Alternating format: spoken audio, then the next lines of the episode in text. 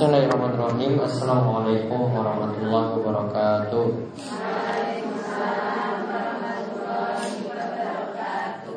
Innalhamdulillah Na'madu wa nasta'inu wa nastaghfiruh Wa min sururi anfusina min sayyati a'malina. Man yahdihillahu falamudillalahu wa yudilluhu falahadiyalah Wa ashadu an la wa asyhadu anna Muhammadan abduhu wa rasuluh. Allahumma shalli ala nabiyyina wa sayyidina Muhammad wa ala alihi wa man tabi'ahum bi ihsan ila yaumiddin. Allahumma anfa'na bima 'allamtana wa 'allimna ma yanfa'una wa zidna ilma. Allahumma aslih lana dinana allati wa ismatu amrina wa aslih dunyaya allati fiha ma'ashuna wa Waj'alil hayata ziyadatan lana fi kulli khair Waj'alil mauta rohatan lana min kulli syar Alhamdulillah eh, baik para jamaah ibu-ibu sekalian yang mungkin-mungkin selalu dirahmati dan diberkahi oleh Allah Subhanahu wa taala. Kita bersyukur kepada Allah atas nikmat yang Allah memberikan kepada kita sekalian sehingga pada kesempatan malam hari ini kita bisa kembali berkumpul dalam majelis yang mulia Mungkin-mungkin Allah terus memberikan kita keberkahan dalam umur kita Memberikan kita terus kesehatan dan kekuatan Serta yang lebih utama adalah Allah memberikan kita keistiqomahan Sehingga kita bisa terus semangat dalam menuntut ilmu Dan meraih berbagai macam kebaikan. Baik pada kesempatan malam hari ini kita akan melanjutkan kajian uh, yang pertama tafsir Juz Amma surat Al-Ikhlas. Kemudian yang kedua kita kaji fikih wanita dari kitab Sahih Fikih Sunnah karya Syekh Abu Malik Kamal bin Said Salim. Baik, eh, kita lihat pembahasan kita lanjutan dari surat Al-Ikhlas. Pada kesempatan sebelumnya kita telah bahas sembilan tempat kita sembilan waktu kita membaca surat Al-Ikhlas. Kita dianjurkan membaca surat Al-Ikhlas. Pada kesempatan kali ini kita akan lanjutkan dengan tafsirnya dan juga keutamaan dari surat Al-Ikhlas itu sendiri. Ya kita ulang terlebih dahulu ya kita membesarkan surat Al-Ikhlas saking tahu semoga A'udzu billahi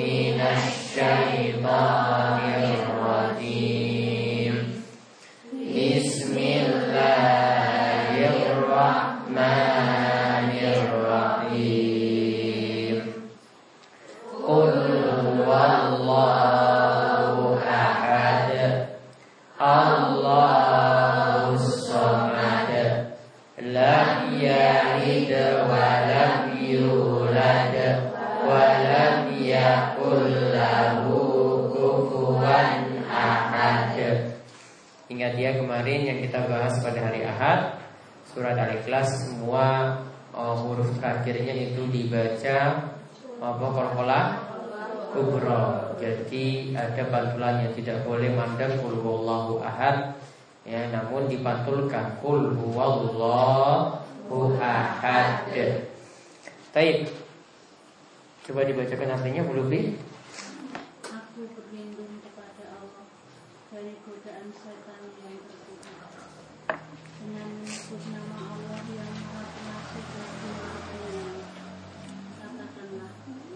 Dialah Allah yang Maha Esa.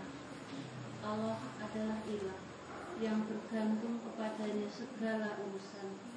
Dia tidak beranak dan tiada pula diperanakkan dan tidak ada seorang pun yang setara dengan dia. Baik, kita lihat sekarang pembahasannya keutamaan surat Al-Ikhlas. Keutamaan surat Al-Ikhlas. Fadilah atau keutamaan surat Al-Ikhlas. Yang pertama, surat Al-Ikhlas setara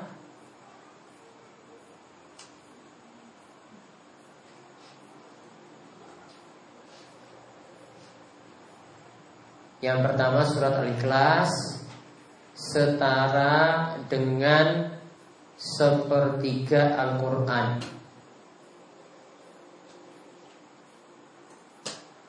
Yang pertama surat Al-Ikhlas itu setara dengan sepertiga Al-Quran.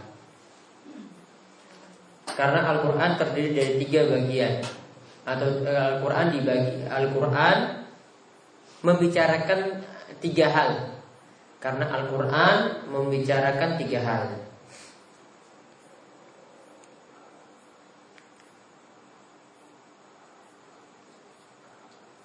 Yang pertama kisah-kisah.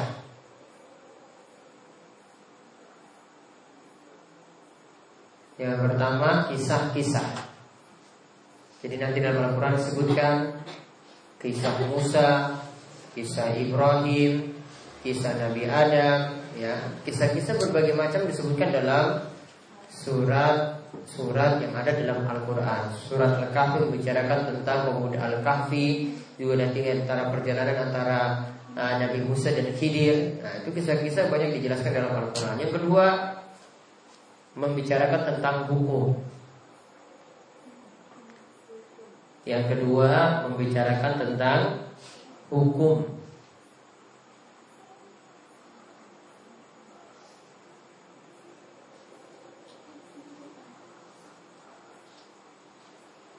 Yang membicarakan tentang hukum. Jadi hukum-hukum dari wudhu ada penjelasannya secara global, secara umum. Tentang sholat ada penjelasannya juga secara umum. Tentang tayamum juga ada penjelasannya secara umum. Tentang kisos itu juga ada penjelasannya secara umum. Tentang merampok ya ada penjelasannya juga. Ya tentang zina, hukum zina juga ada penjelasannya. Kemudian yang ketiga Al-Quran itu membicarakan tentang sifat-sifat Allah. Ya Al-Quran itu membicarakan tentang sifat-sifat Allah.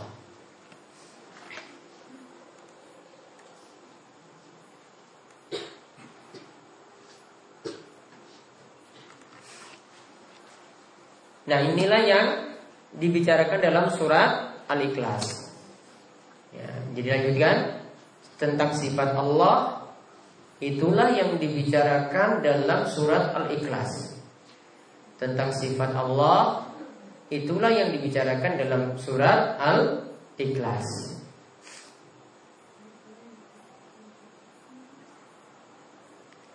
Berarti kan tadi dibagi tiga ya Al-Quran membicarakan tentang tiga Tentang apa yang pertama tadi?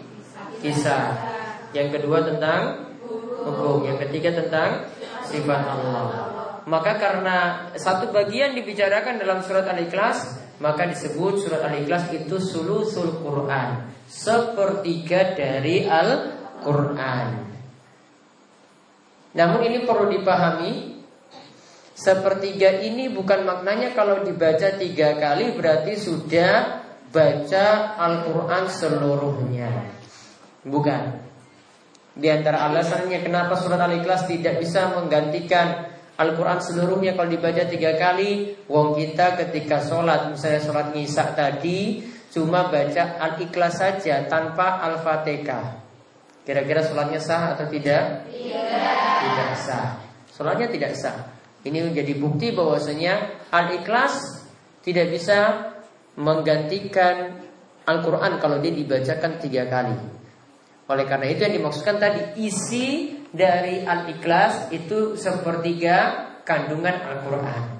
Jadi yang dimaksudkan sekali lagi isi dari surat Al-Ikhlas itu mengandung sepertiga dari Al-Quran. Jadi dilanjutkan. Jadi maksudnya isi dari Al-Ikhlas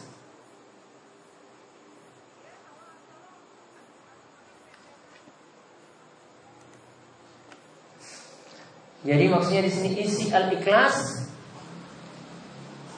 mengandung sepertiga dari Al-Qur'an.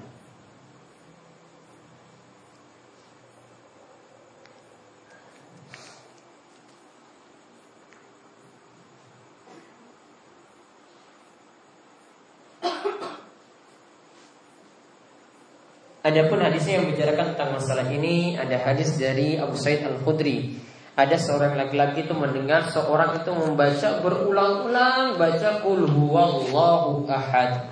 Maka ketika pagi hari orang yang mendengar tadi mendengar mendatangi Rasulullah SAW dan menceritakan kejadian tersebut dengan nada seakan-akan merendahkan surat Al-Ikhlas. Kemudian Rasulullah SAW itu bersabda, ingatlah, walladzi nafsi biyadi innaha la ta'dilu Quran. Ingatlah bahwasanya surat Al-Ikhlas itu sepertiga Al-Quran. Artinya isi dari surat Al-Ikhlas itu mengandung sepertiga dari Al-Quran. Kemudian keutamaan yang kedua.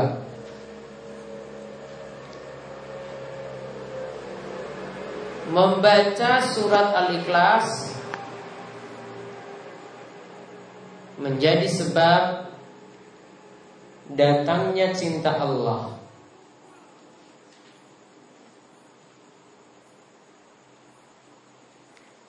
Membaca surat Al-Ikhlas menjadi sebab datangnya cinta Allah.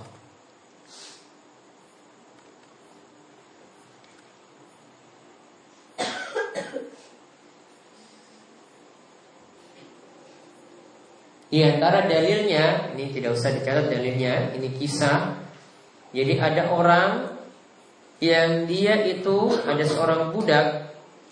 Ini biasanya ketika sholat bersama sahabat-sahabatnya, ia sering mengakhiri setiap bacaannya dengan surat Al-Ikhlas. Jadi baca surat apa pun dia akhiri dengan surat Al-Ikhlas setiap rokaat. Jadi dia baca misalnya amayat sa'al rampung, tutup lagi Al-Ikhlas. Allahu samad, lam yalid yulad yakul lahu kufuwan ahad. Di rakaat kedua lagi dia baca lagi surat yang lainnya, kemudian dia tutup lagi dengan baca surat Al-Ikhlas. Atau sebagian ulama tafsirkan yang dimaksudkan di sini adalah di akhir rakaat dia baca surat Al-Ikhlas. Namun yang lebih uh, pemahaman hadis yang lebih mendekati adalah yang saya sebutkan tadi, yaitu setiap dia baca surat apa pun dia akhiri dengan surat Al-Ikhlas. Insya Allah berarti sangat cinta sekali dengan surat Al-Ikhlas. Kalau kita cuma Al-Ikhlasnya saja, ini kalau ini dia baca seluruh surat surat yang lain, kemudian dia tutup selalu dengan baca Al-Ikhlas. Ini bedanya orang dulu dengan orang sekarang. Kalau sekarang itu pingin cepat-cepat. Jadi kalau iklannya cepat, jadi Al-Ikhlasnya juga cepat-cepat. Sudah Al-Ikhlas singkat, ya kemudian dipercepat lagi. Nah kemudian akhirnya orang ini dilaporkan kepada Nabi SAW. Ini wahai Rasulullah ini ada orang kok setia baca surat, mau surat, selalu diakhiri dengan baca Al-Ikhlas. Maka ketika itu dia ditanya, kenapa engkau setiap kali baca surat selalu engkau tutup dengan baca surat Al-Ikhlas. Maka ketika itu dia menjawab karena saya itu mencintai surat Al-Ikhlas di dalamnya berisi sifat-sifat Allah, berisi sifat-sifat Ar-Rahman. Maka ketika itu Nabi SAW itu mengatakan, Akhbiruhu annallaha yuhibbuhu. Beri kabar untuknya kalau Allah itu mencintainya. Beri kabar untuknya kalau Allah itu mencintainya. Coba kalau ya kita suka pada seorang kemudian dia bilang, "Uh, saya juga senang pada kamu." Coba gimana? Pasti senangnya bukan main kan? Ini Allah yang beritahu langsung. Ini Nabi SAW beritahu Allah mencintainya. Sungguh luar biasa berarti orang ini.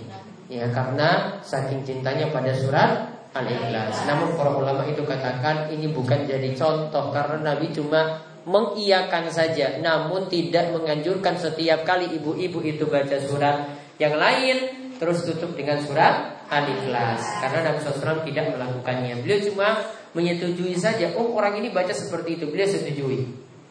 Namun bagusnya tetap baca yang lainnya ya dan tidak perlu tutup dengan surat Al-Ikhlas. Dan ini juga jadi dalil bahwasanya dalam satu rokaat boleh baca dua surat karena dia baca surat lain kan, kemudian dia tutup dengan surat Al-Ikhlas. Berarti boleh satu rakaat itu baca dua surat. Kemudian sekarang kita lihat tafsir surat Al-Ikhlas. Kita lihat faedah-faedah yang dikandung dalam surat Al-Ikhlas. Ya sekarang judulnya faedah-faedah dari surat Al-Ikhlas. Faedah-faedah dari surat Al-Ikhlas.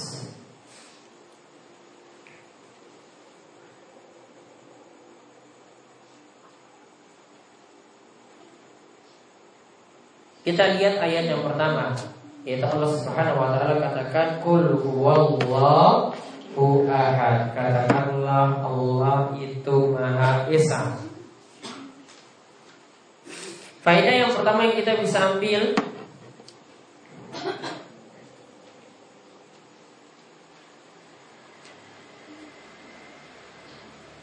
Allah itu Maha Esa dilihat dari empat sisi.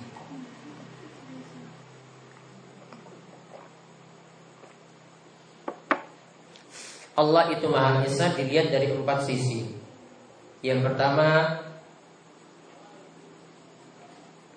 zat Allah itu satu. Zat Allah itu satu.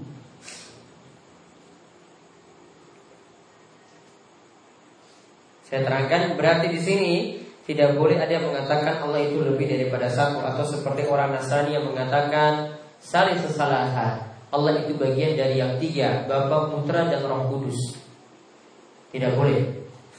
Ya. Atau ada akidah lagi yang menyatakan Allah itu lebih dari satu, yaitu akidah yang menyatakan Allah itu ada di mana-mana.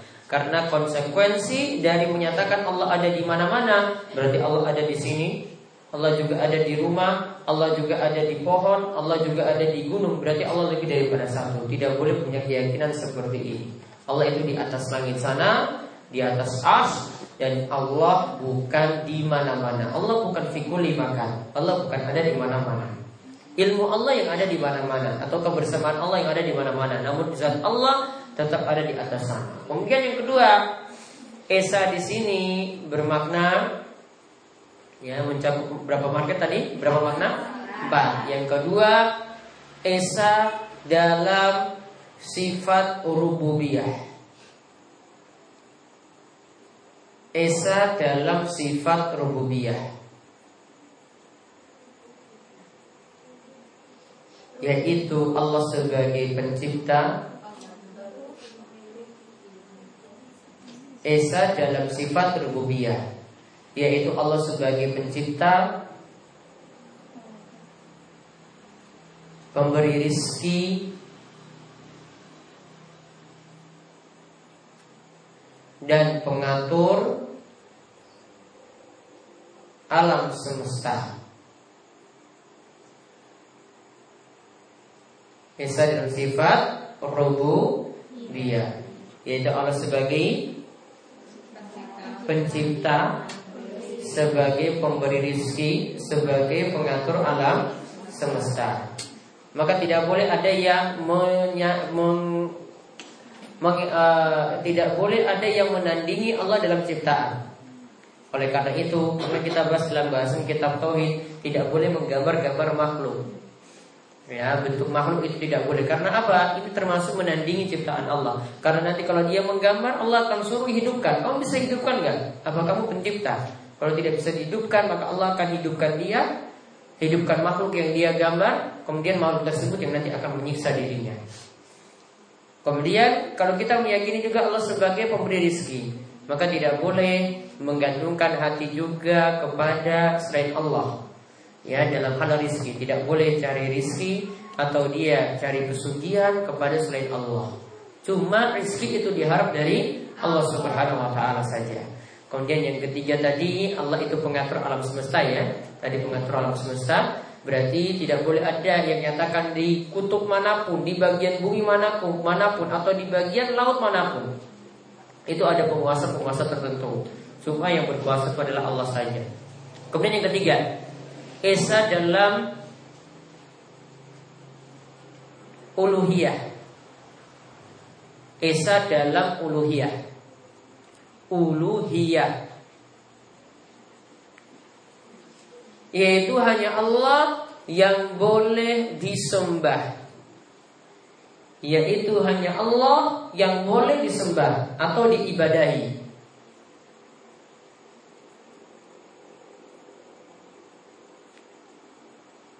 Maka berarti ibu-ibu nanti tidak boleh menunjukkan satu ibadah pun kepada selain Allah alias berbuat syirik. Kalau ada yang menunjukkan satu ibadah kepada selain Allah, ya misalnya dalam tumbal, sembelihan, ya dalam sholat, dalam nazar, dalam sedekah ditujukan pada selain Allah maka dia terjatuh dalam kesyirikan.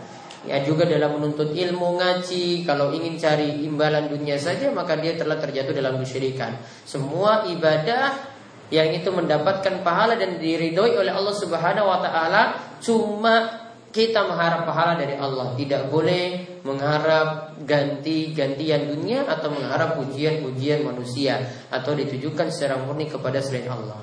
Kemudian yang keempat Esa dalam nama dan sifat Allah.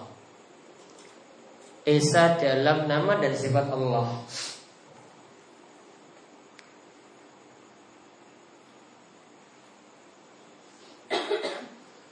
Esa dalam nama dan sifat Allah. Maka Allah itu punya nama, nama dan sifat. Nama-nama dan sifat-sifat Allah ada nama yang khusus bagi Allah, ada nama yang juga makhluk memilikinya. Namun Allah memiliki sifat yang lebih daripada itu. Makhluk punya sifat rahmat juga, artinya menyayangi orang lain. Namun Allah memiliki sifat Rahman, Ar-Rahim itu lebih daripada makhluk itu miliki. Itu lebih daripada yang makhluk itu miliki. Ini sifat rahmat dari Allah Subhanahu wa taala lebih daripada segalanya. Ya, kemudian uh, itu empat ya, minggu rampung. Ya, itu untuk tafsiran ayat yang pertama. Tafsiran ayat yang kedua. Allahus Samad.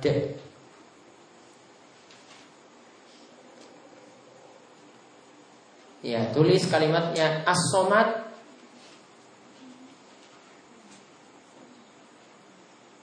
adalah nama Allah yang punya beberapa arti. Adalah nama Allah yang punya beberapa arti.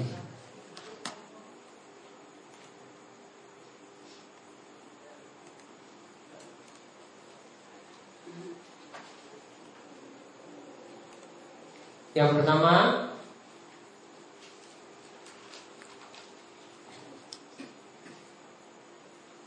Allah adalah tempat bergantung setiap makhluk.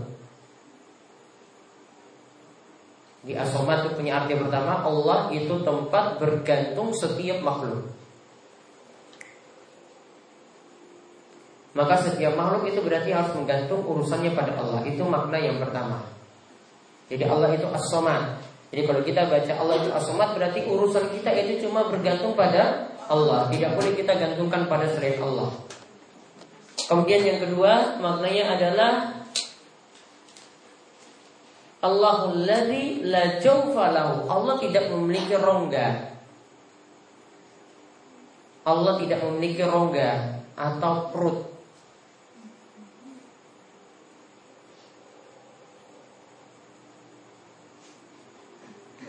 Jadi Allah itu tidak serupa dengan kita kita ada bagian-bagian rongga dalam tubuh, tempat nampung makanan dan seterusnya. Allah tidak punya sifat seperti itu. Kemudian yang ketiga, annahu daim. Allah itu maha kekal. Asomat itu berarti Allah itu maha kekal.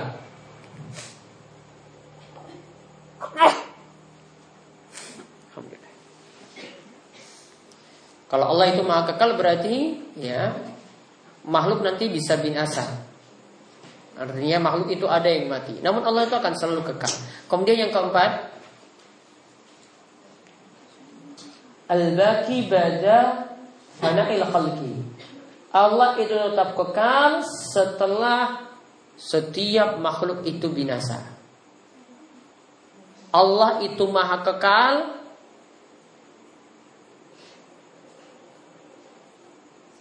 setelah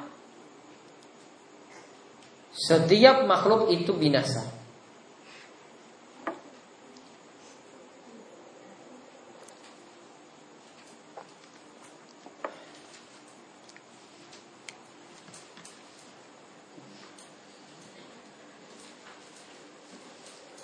Dan semua makna-makna yang ada tadi itu semua benar. Jadi kalau kita mau tafsirkan as-somat bisa dengan empat tafsiran tadi. Yang pertama apa?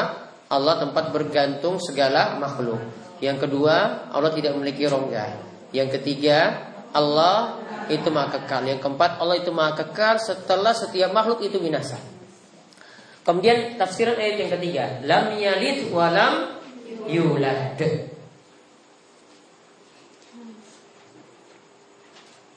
Kalau diartikan Allah itu tidak beranak dan tidak pula diperanakan. Maka faedah yang keberapa nih berarti? Tiga. Faedah yang ketiga, Allah tidak beranak. Berarti tidak memiliki istri.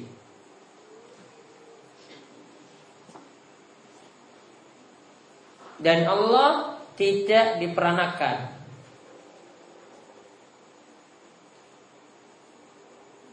Berarti tidak memiliki orang tua.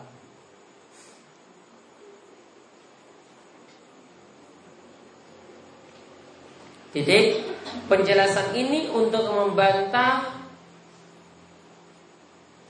golongan Nasrani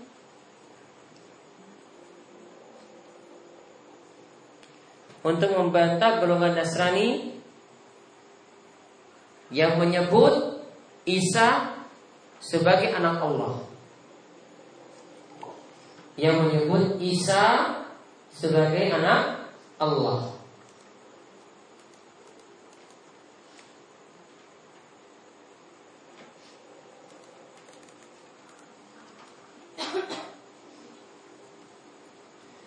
Dan juga membantah orang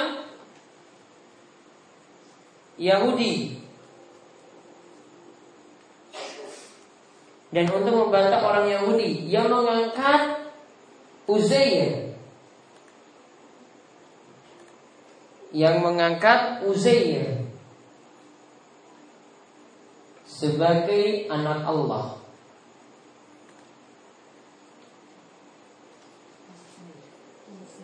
Uzair. Uzair.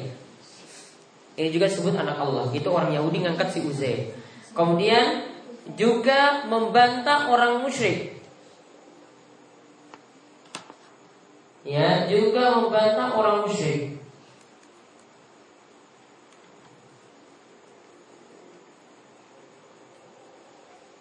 Yang menyatakan malaikat adalah anak perempuan Allah yang menyatakan malaikat itu adalah anak perempuan Allah.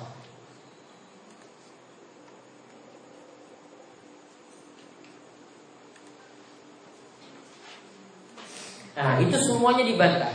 Jadi membantah siapa tadi? Nasrani yang menyatakan Isa itu adalah anak Allah. Kemudian membantah Yahudi yang menyatakan bahwasanya Uzair, Uzair itu orang soleh ya, itu anak Allah. Kemudian yang ketiga membantah orang musyrik yang menyatakan malaikat itu anak perempuan Allah.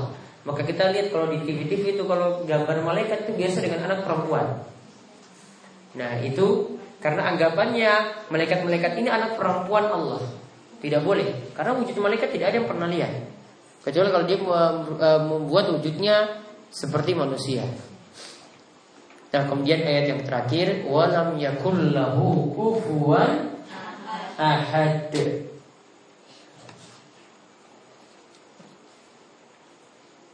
Faedah yang keempat berarti tidak ada yang serupa dengan Allah Tidak ada yang serupa dengan Allah dalam nama sifat dan perbuatan. Dalam nama sifat dan perbuatan. Misalnya saja ada manusia ya namanya hakim, adil. Dia punya nama Hakim Adil dan Allah juga punya nama Al-Hakim. Allah itu punya sifat adil dan ini tidak sama dengan manusia. Ada yang punya nama Hakim gitu ya, namun orangnya jahat, jadi penjahat.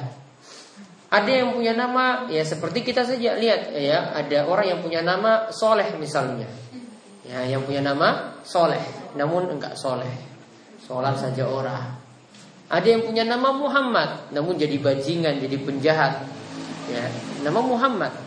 Ya namun jadi bajingan jadi penjahat. Berbeda dengan sifat namanya. Namun kalau Allah punya nama Al-Hakim maka benar-benar Allah itu adil. Tidak ada yang serupa dengan Allah Subhanahu wa taala. Nah itulah tafsir dari surat Al-Ikhlas. Intaha.